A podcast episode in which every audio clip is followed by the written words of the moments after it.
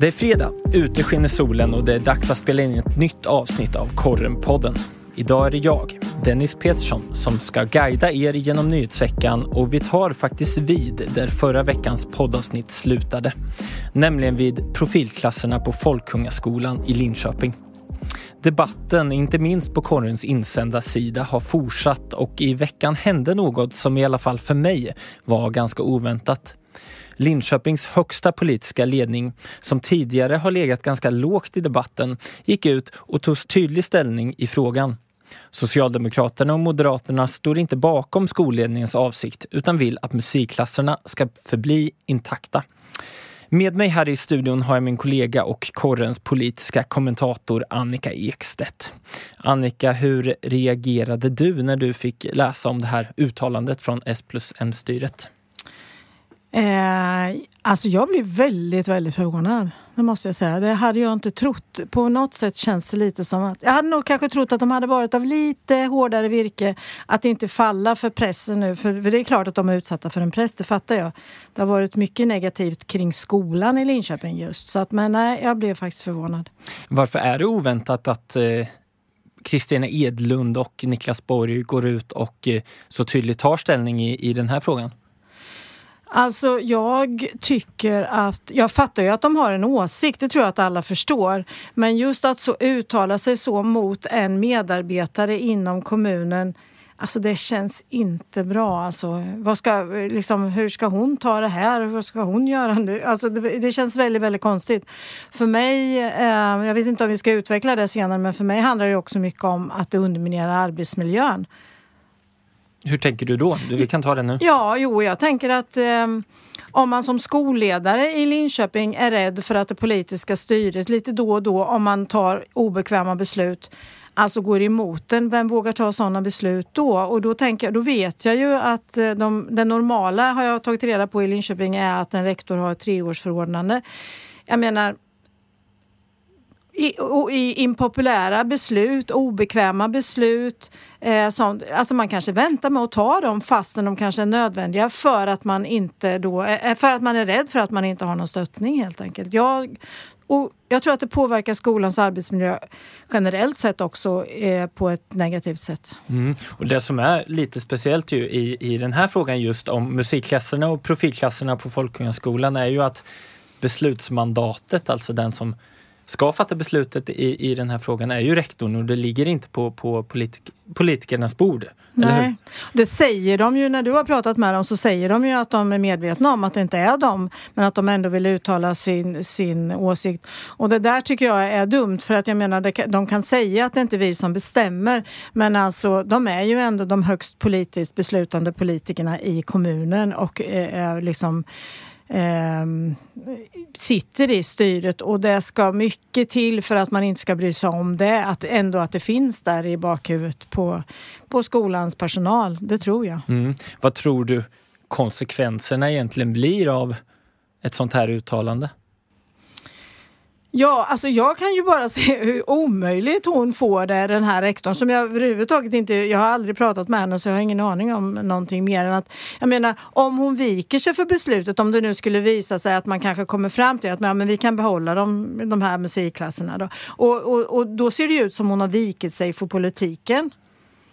Eh, oavsett om det är rätt eller fel. Så det underminerar hennes ställning som rektor jätte, jättemycket. Eller annars så, så, så håller man fast vid det här eh, att man beslutar att ta bort profilklasserna eh, och kommer få jättemycket negativt hela tiden och föräldrarna kan hela tiden hänvisa att inte ens politikerna har förtroende för henne. Så jag kan inte se, alltså hon är ju rökt känns det som. Mm. Ja, men det, var, det väcktes många frågetecken ju när, när de valde att gå ut med det här uttalandet. Vi sökte ju då Anna Dahlström som är rektorn på Folkungaskolan hon valde att nej, inte kommentera det S plus M-styret har sagt nu utan hon, hon säger att deras process för att få ta fram beslutsunderlag den, den fortgår och hon jobbar på så att säga och hon har inte så mycket mer att tillägga i, i debatten men men jag fick en ordentlig intervju med utbildningsdirektören Robert Bredberg. Eh, han var lite kritisk till, till politikens eh, agerande. Vad, vad säger du om, om om det Robert säger? Om jag minns rätt eh, det du skrev så håller han i och för sig med om det som har varit lite av kritiken att Folkungaskolans ledning har varit dåliga med att kommunicera det här. Vilket ju för övrigt är en kritik som gällde de här skolnedläggelserna också. Då var det ju en, stående kritik för föräldrarna att, att kommunikationen har varit dålig. Den höll ju han med om, om jag förstår saken rätt. Däremot tycker jag att han sen gör precis som en chef ska göra. Han uttalar sig inte vidare. Han, han, eh, liksom, han eh, gör som en chef ska utåt. Han skyddar sin medarbetare och det ska han göra. Ser man en liten spricka där emellan ja, förvaltningsdirektören och, och, den politiska ledningen? Han, han säger ju det att han hade föredragit att situationen inte varit som den är nu med ett uttalande ja, så offentligt. det var ju fint. Han har ju inte varit i tjänst så länge. Men eh, alltså här tror jag... Nja, jag tror faktiskt inte att det är en spricka. Jag tror inte det. Jag tror här balanserar man lite liksom eh, för, för, att landa så mjukt det går. Det tror jag. För det är klart att de har... De måste väl ha eh, diskussioner nu, även om de säger att de inte haft det innan så måste de ju ändå ha haft diskussioner eh, tidigare. Mm. Han säger ju det, han beskriver ju lite situationen för förskolans rektor här också när jag, när jag intervjuade mm. honom att, att det är en människa som är satt under hård press, mm. att det är många kontaktförsök gentemot henne och samtidigt ska hon liksom få en, få en gymnasieskolas vardag att, mm. att rulla på. Hur... Och en högstadieskolas. Ja just det, hög, mm. högstadieskola, helt rätt. Hon är högstadierektor där. Mm. Eh, hur ser du på liksom den den, den, All, den stämning och så som... som, som, som alltså jag, jag, ty, jag förstår att föräldrar protesterar både när det gäller skolnedläggningar och när det gäller det här. Alltså man, man, man protesterar och det har man rätt i. Jag, jag, kan förstå det.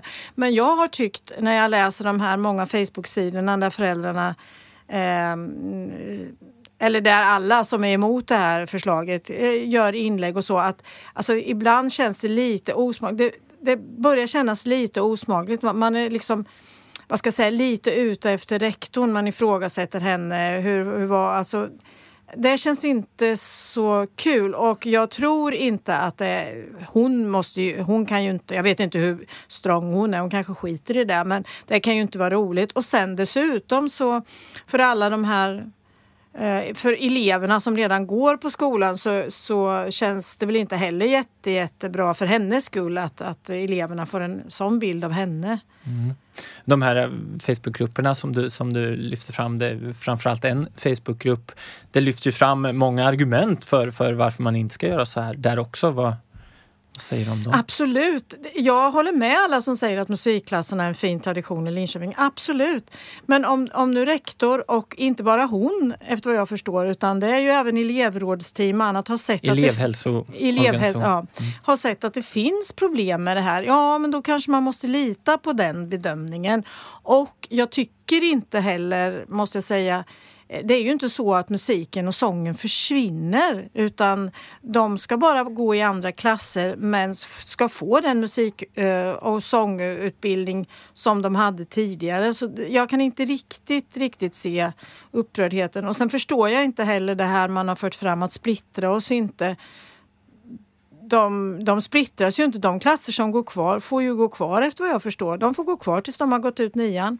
Mm. Eh, även åtta nu som går har ju, ett, har ju två år kvar då. Mm. Eh, den som ska börja åttan. Så att, Mm, där kring splittringen eh, så syftar man nog till att, att det finns ju musikklasser även på mellanstadiet och de, har ju, de som har velat fortsätta på, på musikklasserna på högstadiet har ju oftast få, fått vara kvar i en och samma klass med sina klasskompisar. Det, för, det förstår jag. Mm. Det förstår jag. Men, men å andra sidan är det ju få elever som börjar sjuan som har alla sina klasskamrater med mm. när man börjar sjuan. Så att, nej, nej, alltså jag vet inte, men, men som sagt eh, yttrandefrihet har vi och eh, som förälder så har man rätt att, att protestera. Jag förstår det. Mm. Ja, det här är en debatt som, som vuxit ju och, och handlar om flera saker med flera olika bottnar med, med två olika sidor så att säga. Och, och det är svårt att, att greppa allting men jag tänker att vi går vidare till nästa del av den här podden där vi ska ta ett lite annat grepp.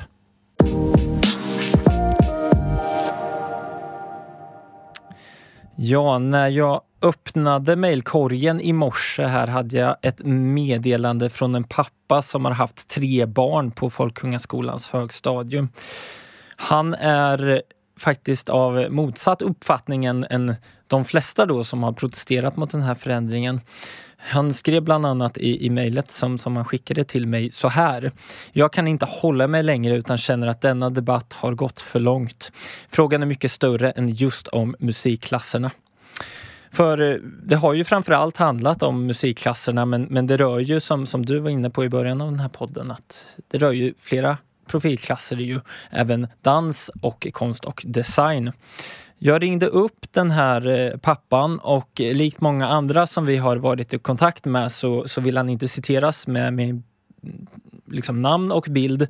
Men jag tänkte ändå ta tillfället i akt här i podden och lyfta lite av det han sa till mig och bolla det med dig Annika. Eh, jag tänker att det får vara det här greppet att, att jag, jag läser upp lite som han mm. berättade för mig i morse och så får du helt enkelt kommentera det och se eh, vad du tycker om, om det. Men vi börjar med att han, han, eh, han anser att debatten har varit snedvriden och onyanserad. Han förstår att elever som har sökt till årskurs 7 för att gå i traditionella musikklasser är upprörda och ledsna nu när premisserna förändras. Men han tror samtidigt att själva körundervisningen fortsatt kommer att kunna tillgodoses på ett bra sätt. Han lyfter Arenaskolan i Linköping som ett exempel där exempelvis fotbollseleverna går, i ut, äh, går utspridda över flera klasser och inte är en liksom, ren fotbollsprofil. Eh, vad tänker du lite om, om det Annika, kring, kring liksom, eh, hur, hur debatten har varit och just kring effekterna och den här jämförelsen med Arenaskolan? Jag tycker att det är en bra jämförelse faktiskt. För rent generellt så är det ju så här, det är ju skitlänge sedan som vi hade flick och pojkskolor i, i Sverige. Samtidigt så har den här, när man får välja inriktning, så har det ju också blivit så att vissa, i vissa klasser går bara bara flickor och vissa pojkar. Det är ju lika illa om det är fotboll eller om det är sång eller dans. Alltså därför att det, vi, vi har ju på något sätt ändå kommit så långt att vi tycker att att, eh, att man ska, vi ska kunna umgås med alla, alla typer av människor och alla kön och så. Så att jag förstår eh, skolans arbete med att eh, försöka eh, jämna till klassfördelningen mellan pojkar och flickor. Samtidigt är det ju svårt. Alltså här, här är ju verkligheten vad ska man säga, här är ju valen, eh, står ju inte liksom, de väljer inte som vi som vuxna tycker att de ska välja, de väljer inte jämlikt. Det är fler flickor som väljer till exempel dans än pojkar. Och då blir det så. Och vi har ju hört, nu har inte vi skrivit så mycket om det och det är inte så många som har sagt så mycket om det heller, men att det, det finns frågor om psykiskt mående till exempel eh, för den profilen som man som skola måste ta hand om i så fall. Mm. Hur tycker du eh, det här kring, kring debatten? Han, han vill in här och visa på att det finns en annan sida också som, som inte är lika kritisk eller som inte är kritisk alls mot, mot skolledningens det är ju det som är spännande, att de andra har vi hört så lite av. Jag kan ibland tänka så här lite, ja de andra föräldrarna Eh, tänker inte de, är min unge så himla hemsk så ingen kan gå i den klassen? Alltså, du menar de andra? Föräldrarna till, som är barn till, som går i de andra klasserna. Mm. De har vi inte hört så mycket av. Eh, å andra sidan så representerar ju profilklasserna av, om jag har förstått saken rätt så har eh, så finns det sju klasser per årskull i, på Folkungaskolan varav fyra är profilklasser så det är ju ändå en majoritet. De andra är ju andra föräldrar och de har vi inte hört så mycket av. Eh, men eh, ja, jag vet inte vad man ska säga om det. Men, men lite konstigt är det för att nog ska det kunna gå att sprida ut elever utan att det går ut över sångkvalitet, körer och så. Det tror jag. Mm. I samtalet med den här pappan då så eh, fortsätter han att berätta att han, han tycker att det finns en obalans i övriga profilklasser på Folkungaskolan om man bortser från körprofilen. Hans, en, ja, hans egen dotter gick på dansprofilen i en klass endast med tjejer. Och han förstår att skolledningen då jobbar med den här liksom, tittar på klassindelningen nu. Han, han sa så här till mig att en ren klass med bara tjejer, det är inget att rekommendera. Eh, men han vill lik skolledningen inte vara för detaljerad kring situationen i de här profilklasserna men säger att det har varit tufft för eleverna av flera olika skäl. Du var inne på det Annika, mm. men vad, vad, säger du om, om, om just det här? Uh, när nu, det blir... nu lyfter han ju, uh, nu lyfter han ju uh, fram att en klass med bara tjejer då. Det, alltså, tjejer i grupp har ju eh, generellt sett anses som problem. Det går inte och så. Det tycker jag man ska komma ifrån. Det är lika illa med en hel klass med bara killar. Det är inte däråt som svensk skola vill gå. Eh, men som jag sa förut, när, när man väljer som man gör så har man en, en verklighet att hantera och kan man inte hantera den på annat sätt då har väl då skolledningen på Folkunga funderat ut det här nya sättet att hantera det. Mm. Så att, eh, ja. Skolledningen har ju också lyft att ett mål är liksom att inte bara tjejer och killar ska blandas utan också elever från Linköpings olika stadsdelar ja, med olika ja, bakgrunder. Precis. Ja, just det. Ja, idag lär det visst vara lite ensidigt. Men, eh, det får man ju hoppas, men det är också ett sätt för skolan i så fall, tänker jag, att man måste marknadsföra sig på ett bra sätt. Precis, det har också varit ett inlägg i debatten att hur mycket jobbar egentligen skolan med att marknadsföra ja, sig till, till nya elevgrupper? Vad, vad tycker du att eh, kommunen bör göra där? Nej men alltså det är väl samma sak som att eh, locka det andra könet till en, eh, ja, till en utbildning som normalt sett inte väljs av flickor eller av pojkar, att man får försöka jobba där. Sen kan man, om man vill vara djävulens advokat så kan man ju kanske också tänka så här, är skolans primära uppgift att ägna så, så mycket tid och, eh, till att fylla på för att de här profilämnena ska ska fungera bra, de är ju ändå en väldigt, väldigt liten del i hela, i, i hela undervisningen. Mm. Vi fortsätter med, med samtalet med, med pappan här. Eh, han är ju som eh, du var inne på lite också i början av den här podden. Han är kritisk till det här uttalandet då från Niklas Borg och Kristina Edlund. Han menar att det inte är politikernas sak att uttala sig om klassindelningen och att det enda konsekvensen blir att det hänger ut rektorn ännu mer. Ja, vad säger du Annika? Ja, jag håller nog med den här pappan. Alltså jag sa ju tidigare att det kändes lite oövertänkt och jag kan inte låta bli att tänka att det handlar lite om damage control från styrets sida. Alltså herregud så mycket negativ publicitet kring skolan som det har varit och Socialdemokraterna är ju eh, sen gammalt för alltså pratar mycket om skola och vad skolan behöver. Det här, det här kanske blev liksom, det blev lite för mycket och så går man ut och gör det här och eh, Uh, ja, jag tycker inte att... Uh, jag tycker att det känns oövertänkt. Ja, I kontrast till politikernas uttalande här vill, vill pappan också förmedla en bild av Folkungaskolan som en väldigt bra skola som han tycker generellt funkar eh, väldigt bra.